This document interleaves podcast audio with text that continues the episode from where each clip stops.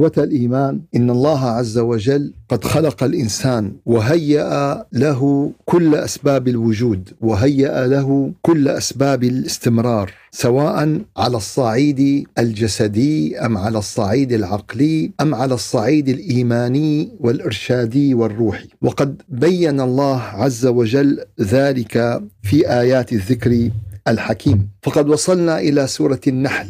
التي ابتدأها الله عز وجل بأن هناك أمر آت لا محالة أتى أمر الله فلا تستعجلوه لا تكونوا في عجله لا تكونوا في عدم الفهم لحقيقة هذا الأمر. هذا الأمر حادث حاصل فاستعدوا له لا تستعجلوا وإنما استعدوا له وإنما تهيأوا له وإنما اجمعوا له كل ما يلزم من عمل صالح من فهم دقيق من نور في قلوبكم. بكم من سعي في أعمالكم من هداية لأنفسكم ولغيركم. أتى أمر الله. مثل إذا واحد قال لك قال لك الشتوية جاي. طيب شو يعني؟ ليش عم تخوفنا لا يا أخي ما عم نخوفك. بيجيك إنذار بال بال بال, بال هذا إنه والله في عاصفة في عاصفة ثلجية. طرقات بدها تنقطع. الكذا بده سمك الثلج بده يصير. أخي ليش التخويف؟ ليش هيك عم بتخوفونا؟ ليه خلو؟ لا ما عم نخوفك. بالعكس نحن عم ننبهك نحن عم نحذرك. نحن عم نهيئك. لتستعد لما هو قادم من الأيام، الحياة لن تستمر على الحاله اللي أنت فيها، فدوام الحال منها المحال، الصحة لن تدوم، المال لن يدوم، الأمان لن يدوم. كل يوم في تغير في هذا الخلق وفي هذه الحياة. فأتى أمر الله فلا تستعجلوه. سبحانه وتعالى عما يشركون. فالله عز وجل في هذه الآيات قد بين لنا ثلاثة أمور أساسية. ثلاثة أمور أساسية من نعمه. فهذه الآية فيها تركيز على نعم الله عز وجل. هذه النعم التي تتمحور في ثلاث محاور رئيسية. اولا نعمة الخلق. نعمة الخلق والإيجاد. فالإنسان لم يكن شيئا مذكورا. خلقه الله عز وجل ونفخ فيه من الروح وتابع له في هذه الحياة. فنعمة الإيجاد وأما النعمة الثانية فهي نعمة الرزق زوده ورزقه وأمده بكل ما يلزم في هذه الحياة. هيأ له كل ما يلزم في هذه الحياة. مثل الإنسان اللي مثل الأم الحنون يلي قاعدة عم بتضب الشنطه لأبنها.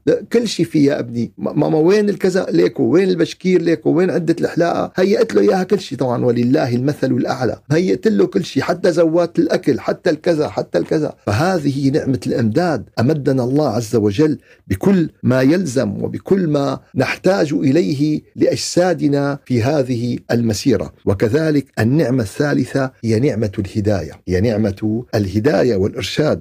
فكذلك الأمر هيأنا وزودنا بكل ما نحتاج إليه لنهتدي إليه ولنهتدي إلى معرفته ولنهتدي إلى محبته. فالواقع هذه النعم الثلاثة نعمة الإيجاد ونعمة الرزق والإمداد ونعمة الهداية والإرشاد إذا تتبعنا الآيات القادمة نجد أن هذه الآيات تنضوي تحت أحد هذا النوع من أنواع النعم. ينزل الملائكة بالروح من أمره على من يشاء من عباده. في روح عم ينزلها الله عز وجل. سواء كانت هذه الروح روح وحي سواء كانت هذه الروح روح علم ومعرفة واستزادة سواء كانت هذه خلق من خلق الله عز وجل.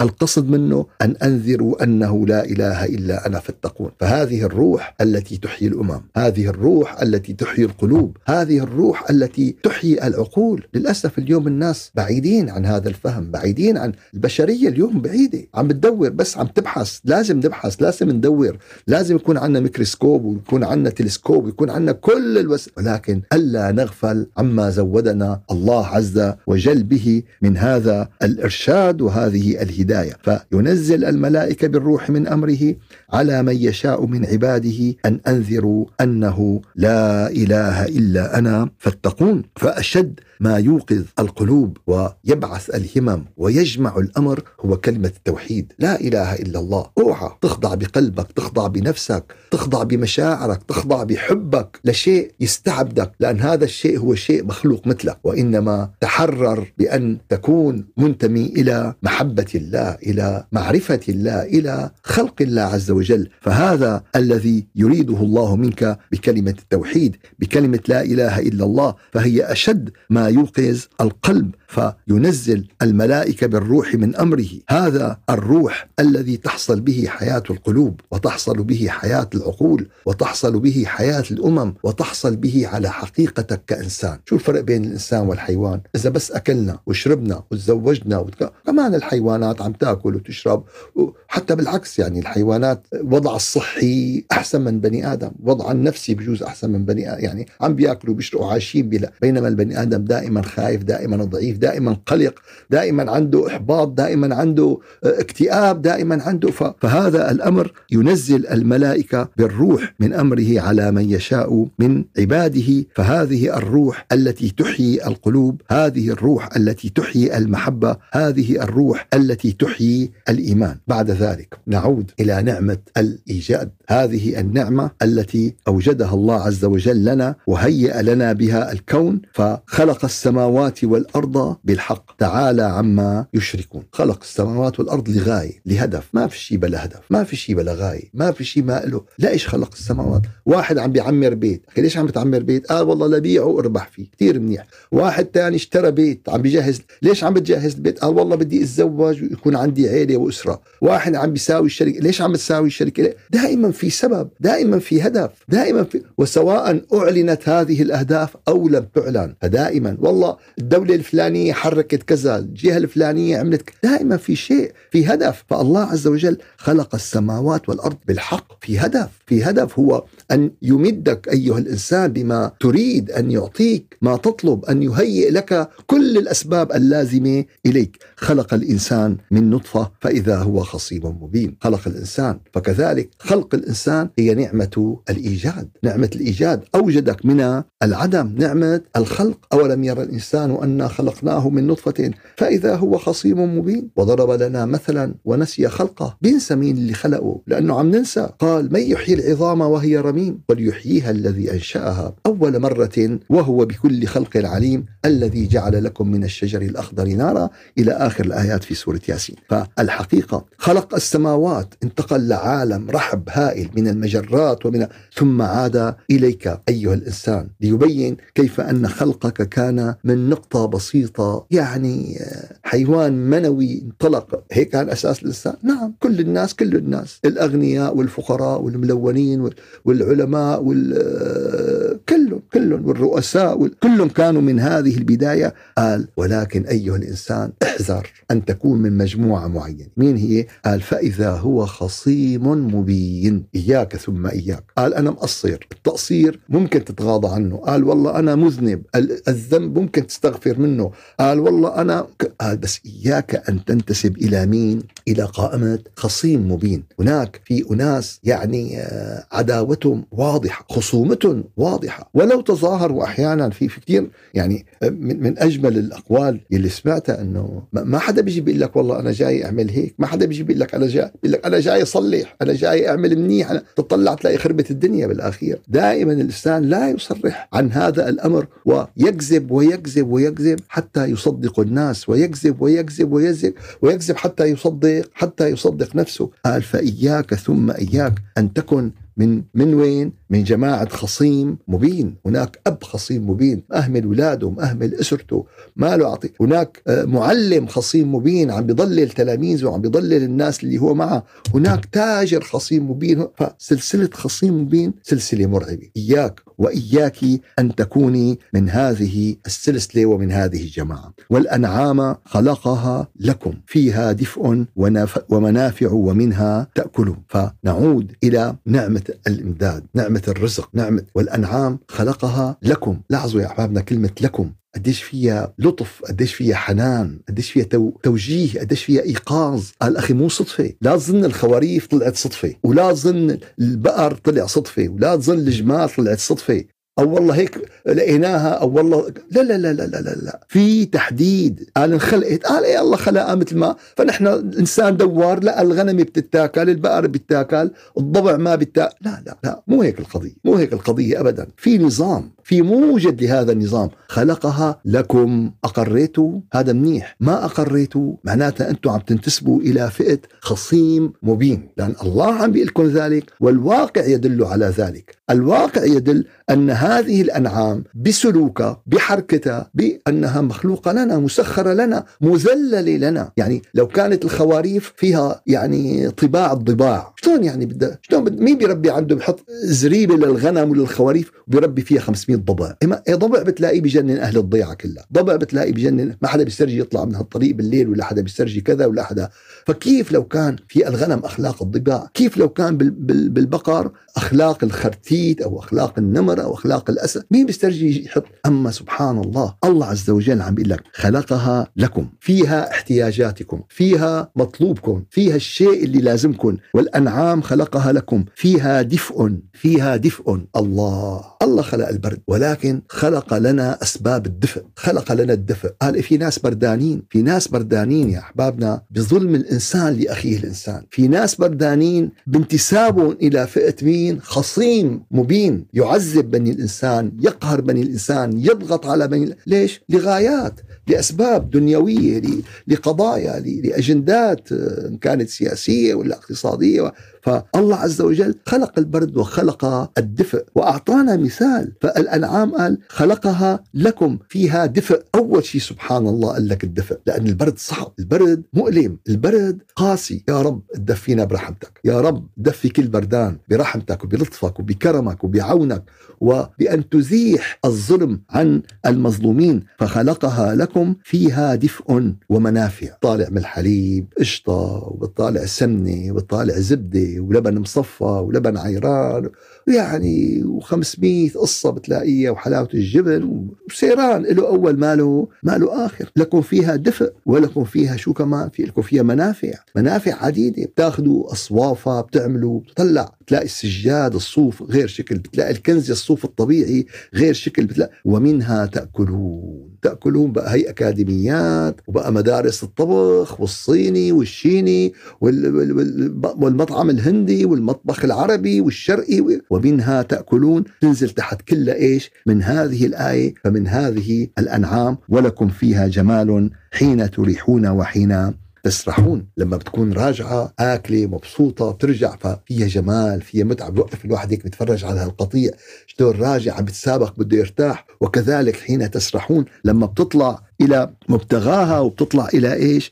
وبتطلع إلى غايتها وتطلع إلى أهدافها ف وتحملوا أثقالكم إلى بلد لم تكونوا بالغيه إلا بشق الأنفس تحمل أثقالكم لوين؟ قال بتحملوا لبلد ثاني أول ما اعتمد الإنسان اعتمد على الأنعام اعتمد على الجمال اعتمد على في ترحاله في قوافله في أثقاله تنحمل البضائع من بلاد الشام إلى بلاد الحجاز من اليمن كيف؟ كل محمولة على إيش؟ كل محمولة على الأنعام وعلى إن ربكم. قال ليش هذا كله؟ ليش يا ربي؟ ليش يعني خلقتنا من نطفة؟ وليش يا ربي خلقت الأنعام فيها دفء وفيها منافع وفيها أكل؟ وليش فيها الجمال؟ وليش فيها الكذا؟ وليش بتحمل؟ ليش كل أسئلة؟ قال في كتير لماذا؟ لماذا؟ لماذا؟ لماذا؟ قال إن ربكم لرؤوف رحيم. الله شو؟ رؤوف ورحيم. هل شعرت بهذه الرأفة؟ هل شعرت بهذه الرحمة؟ هل شعرت بال الله الرؤوف الرحيم ولا شكوانا غلبت مشاكلنا غلبت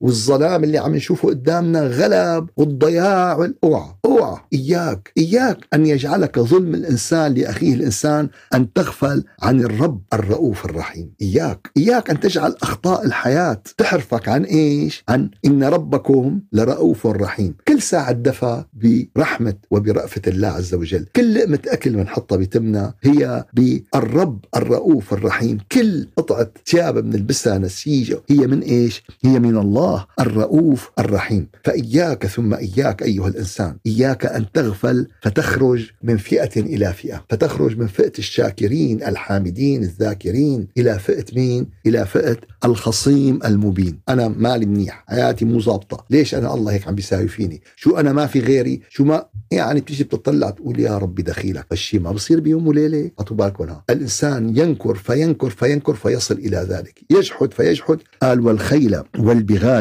والخيل والبغال والحمير لتركبوها. الله عز وجل خلق لنا هذه الوسائل. قال لنركبها طيب ما قال الله عز وجل؟ والضباع والأسود والنمور. ما قال والكلاب؟ ما قال وحيد القرن؟ ما قال. حدد لك قال لك والخيل والبغال والحمير لتركبوها وزينة. هذه الآية تبين لنا كيف كان الإنسان يعتمد على هذه الوسائل ويعتمد على هذه المخلوقات لتقضي بها حوائجه. الواقع يا أحبابنا أن هذه الآية الآية رقم 8 في سورة النحل فيها دلالة هامة وهامة جدا. الدلالة التي في هذه آه، الآية أن أول شيء جمعت بين الماضي والحاضر والمستقبل. جمعت بين الماضي والحاضر والمستقبل. وفتحت باب لا ينتهي من الفهم والعلم. أولا الخيل والبغال والحمير هي من الماضي هي من الماضي. وأما ويخلق ما لا تعلمون فهي من الحاضر والمستقبل. وهذا إن دل على شيء دل على أن هذا الكتاب هو من عند الله عز وجل. طيب آه، رب قائد يقول طيب شو قالوا الناس لما مرقت عليهم؟ صحابة شو قالوا؟ لما مرقت عليهم الآية ويخلق ما لا تعلمون. بكل بساطة بكل بساطة إذا رجعنا إلى التفاسير القديمة على سبيل المثال. تفسير ابن كثير. ابن كثير قال في هذه الآية الله أعلم بمرادها. بكل بساطة الله أعلم بمرادها. في شيء الله بيعرفه نحن ما بنعرفه. هذه الآية مو لها الوقت. هذه الآية لوقت رح يصير في طيارة ورح يصير في سيارة ورح يصير في قطار ورح يصير في باخرة ورح يصير في آه، مركبة فضاء ورح يصير في تسلا ومرسيدس هاي مو لوقتنا. هاي لوقت ثاني وأبقى الباب مفتوحا بثلاث كلمات. ويخلق ما لا تعلمون. يا أحبابنا هذا الكلام لا يكون إلا من الله عز وجل. هذا الكلام لا يكون من ناس بصحراء لا عندهم كتب ولا عندهم جامعات ولا عندهم آه، مي ما عندهم بواد غير ذي زرع. كانوا بواد غير ما في مي طلع هالبير فمن أين لهم هذه الرؤية؟ فهذه الرؤية العميقة يا أحبابنا. للأسف في اليوم الناس بالخطاب الديني المتخلف بدهم يحدوا هالرؤية القرآنية اللامحدودة. يقول لك إيه سنة النبي هيك. لا وبحجة سنة النبي. بده بده يعزو الجهل ويعزو عدم الم... إنه النبي ما ركب قطار ما ركب سيء النبي ما استخدم هي طبعا بس الله عز وجل قال لك النبي ما استخدمها ما كانت على زمانه ما كانت موجودة هالوسائل على زمانه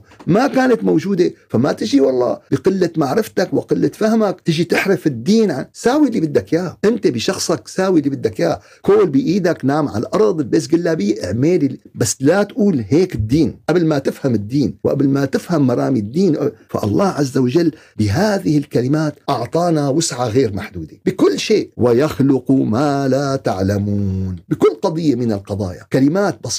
ولكن فيها من المعاني الهائلة. هذه الآيات مو معجزة أكثر من معجزة. هذه الآيات دليل إثبات على خالق عظيم على خالق عليم يعرف ويدرك ما, آه ما, ما, ما تؤول إليه الأمور فأعطاك إشارة. للقضية لو قال لهم وبيخلق لكم سيارات وطيارات الناس اللي بده يقولوا شو يعني شو هذا يعني؟ كيف يعني؟ شو؟ فبدهم يوقعوا بالحيرة بينما أعطاهم عبارة ويخلق ما لا تعلمون. الله أعلم الله أعلم بمراده.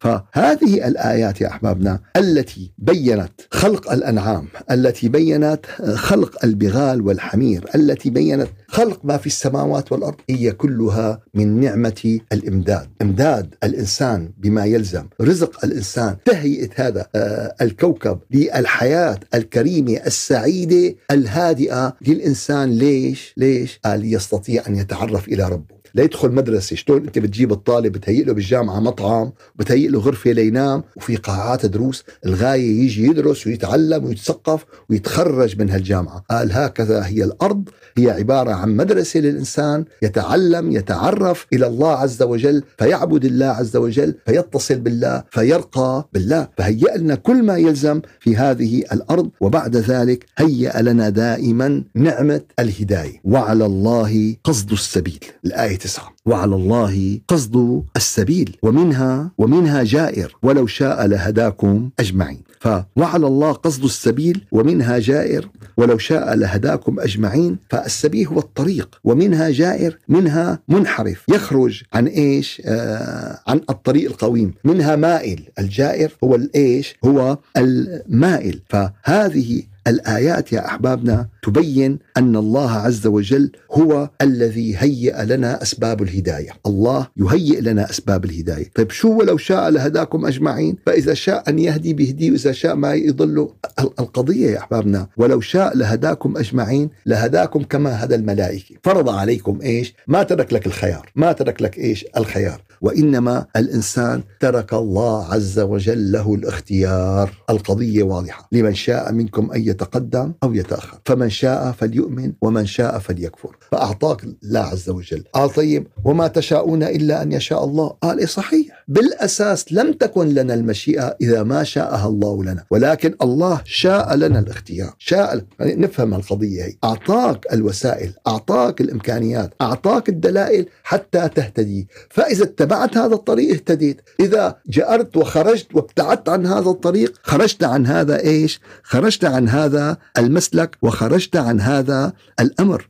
فالقضية واضحة يا أحبابنا. ما بدنا نلبس على بعضنا. تجي واحد بتلاقي شو يا حبيبنا لحتى الله يهديني. هذا هزء بالله. هذا إيش؟ هذا هزء بالله. ليش؟ لأن الطاولة اللي قدامه ومعباي أكل ما استنى ليقول لك لحتى الله يبعث لي أكل. وثلاث سيارات اللي صافين قدام بابه اخر طراز وآخر موديل ما استنى ليقول لك لحتى الله يبعث لي السيارة. وعنده أربع خمس أولاد ما استنى لحتى قال لك الله يبعث لي الولد. راح تزوج راح جاب الأكل من المطعم راح جاب السيارة من عند الديلر. أما الهداية هون بده يجدبها هي شو اسمها هي؟ بده يجدبها بس على مين على مين عم يجدبها. فإياك ثم إياك. يوم بيجي واحد لو يقول له عمي الله يرضى عليك القصة مو معي أنا ما دخلني. القضية مع رب العالمين. فالله عز وجل لو شاء لهداكم أجمعين بأن ألزمكم بالهداية. ولكن الله عز وجل وعلى الله قصد السبيل. الله يبين لنا الطريق. وهديناه النجدين إما شاكرا وإما وإما كفورا. الله عز وجل يبين لك. الله عز وجل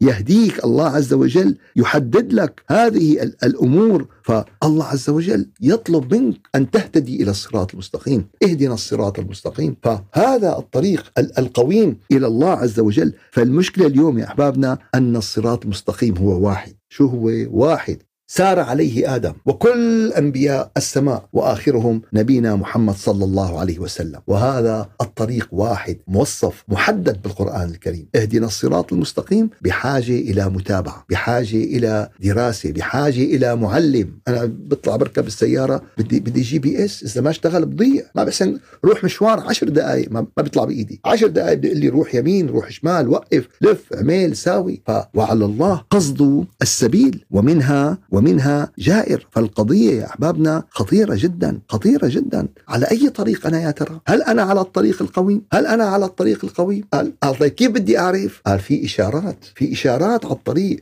بتدلك إذا أنت أولئك الذين هدى الله فبهداهم اقتدي. عرفان حالك أنت وين ماشي؟ متأكد أنت وين ماشي؟ قال والله في مخرج هلا رقمه 276 A و B. إيه؟ وصلنا على المخرج A. معناتها أنت ماشي صح. أما طلعت وإذا لقيت 713 سي ولي. معناتها أنا وين صفيان؟ معناتها الله عز وجل بين لك كيف تهتدي بين لك معالم الطريق. أولئك الذين هدى الله فبهداهم اقتدي. عطاك المراحل عطاك المحطات وهديناهم صراطا مستقيما. وإنك لتهدي إلى صراط مستقيم. فبحث الصراط المستقيم من أهم الأبحاث بالقرآن الكريم. ما هو كلمة ما هو فقط دعاء. لو لو اكتفينا كل شيء بالدعاء بس بدنيانا بنعرف نشتغل بنروح نتحرى. أما بآخرتنا فبنكتفي بشو؟ بالدعاء. عشان هيك يا أحبابنا صفيانين بالآخرة بآخر الدنيا بآخر الناس. صفيانين اليوم لا تنطبق علينا صفات المؤمنين في القرآن الكريم إن تنصروا الله ينصركم ويثبت أقدامكم. لا لا ينطبق علينا قول الله وكان حقا علينا نصر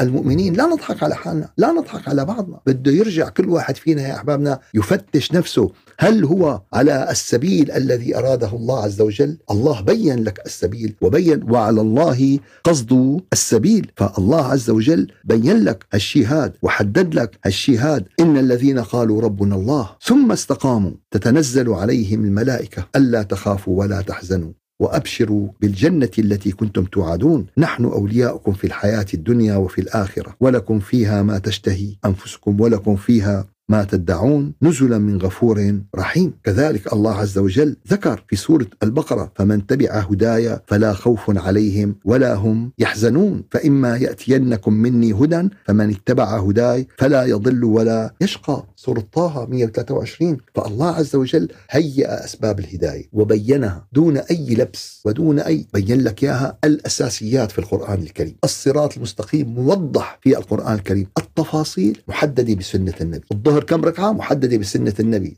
كم صلاة محددة بسنة النبي عليه الصلاة والسلام. كيفية الصلاة محددة بسنة أما الصلاة مفروضة بالقرآن محددة بالقرآن. أما الصيام مفروض بالقرآن محدد بالقرآن. أما الذكر مفروض بالقرآن ومحدد بالقرآن. كل ما يتطلب منك لإيمان بالله لمعرفة الله محدد إيش؟ بالقرآن الكريم. فلذلك كان خلق النبي عليه الصلاة والسلام القرآن وكان خلق الأنبياء كتاب السماء الذي نزل عليهم وتعليمات السماء. تعليمات من رب العالمين. مين بيزيح عنا؟ مين بيغير الطريق عنا؟ وعلى الله قصد السبيل ومنها جائر ولو شاء لهداكم لهداكم أجمعين. فلذلك يا أحبابنا ذكر الله في سورة هود من دونه فكيدوني جميعا ثم لا تنظرون. إني توكلت على الله ربي وربكم. ما من دابة إلا هو آخذ بناصيتها. إن ربي على صراط مستقيم. الله في تعامله مع كل البشر مع كل الخلق. أما والله نحن والله أبو فرفور ذنبه مغفور. ما في. نحن والله كذا. ليس بأمانيكم ولا أماني أهل الكتاب. شغلة مو أماني يا جماعة. فكل واحد منا يرجع يحزم أمره. كل واحد منا يرجع إلى هالآيات.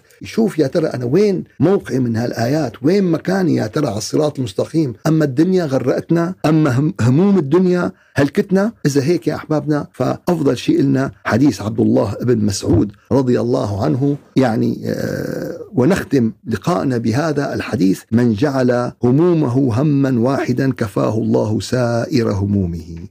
ومن تشعبت به الهموم دون أحوال الدنيا لم يبالي الله عز وجل في أي أوديتها هلك. معنى الحديث صحيح وواضح. من جعل الهموم هم واحد. همه هو الله همه هو رضاء الله همه هو معرفة الله. أما بدك في هموم كتير في هموم كتير. كل واحد فينا عنده هموم بتعبي شوالات. شو بتعبي؟ بتعبي أكياس بتعبي مستودعات بتعبي جوجل بتعبي ما في أكثر من الهموم. ففوت. فلان بده هيك فلان مرضان فلان راسه عم بيوجعه فلانة مريضة فلانة ما إجاها ولد فلان إجاها ولد فلان إجاها ولد بس مو منيح فلان كذا فلان ما عاد معه مصاري فلان صار معه مصاري بس مرض. ما في أكثر من هموم بالحياة. فإذا بدنا نشتغل بهالهموم هي فالله عز وجل لا يبالي في أي أودية هذه الدنيا تهلك. أما من يجعل الهموم هما واحدا إلهي أنت مقصودي ورضاك مطلوبي. هم واحد قصد السبيل الصراط المستقيم إلى الله عز وجل فلما نسوا ما ذكروا به نسيوا الذكرى نسيوا القرآن فتحنا عليهم أبواب كل شيء حتى إذا فرحوا بما أوتوا أخذناهم بغتة فإذا هم مبلسون. فلسين ما في شيء لحظة الإنسان شو بيقول لك؟ الله يرحم شو يعني؟ البيوت السيارات. الله يرحمها. كانت عملت ساوت. وعلى الله قصد السبيل. ومنها جائر ولو شاء لهداكم أجمعين. سبحان ربك رب العزة عما يصفون. وسلام على المرسلين والحمد لله رب العالمين. إلى شرف النبي وأرواح المؤمنين. الفاتحة. أعوذ بالله من الشيطان الرجيم. بسم الله الرحمن الرحيم. الحمد لله رب العالمين. وأفضل الصلاة وأتم التسليم على سيدنا محمد وعلى آله وصحبه أجمعين. يا ربنا لك الحمد يا ربنا لك الحمد. حق حمدك سبحانك لا نحصي ثناء عليك. أنت كما أثنيت على نفسك. يا رب يا رب لك الحمد على كل نعمة عرفناها أو لم نعرفها. يا رب لك الحمد على كل نعمة ذكرناها أو لم نذكرها. يا رب يا رب عرفنا نعمك بدوامها. ولا تعرفنا نعمك بزوالها. يا رؤوف يا رحيم يا رؤوف يا رحيم يا رؤوف يا رحيم. يا رب العالمين أعنا على دوام ذكرك وشكرك وحسن عبادتك. ولا تجعلنا يا إلهنا يا مولانا من الغافلين. واجعلنا هداة مهديين غير ضالين ولا مضلين. وإذا أردت بعبادك فتنة فنجنا غير مفتونين. سبحان ربك رب العزة عما يصفون وسلام على المرسلين والحمد لله رب العالمين إلى شرف النبي وأرواح المؤمنين الفاتحة.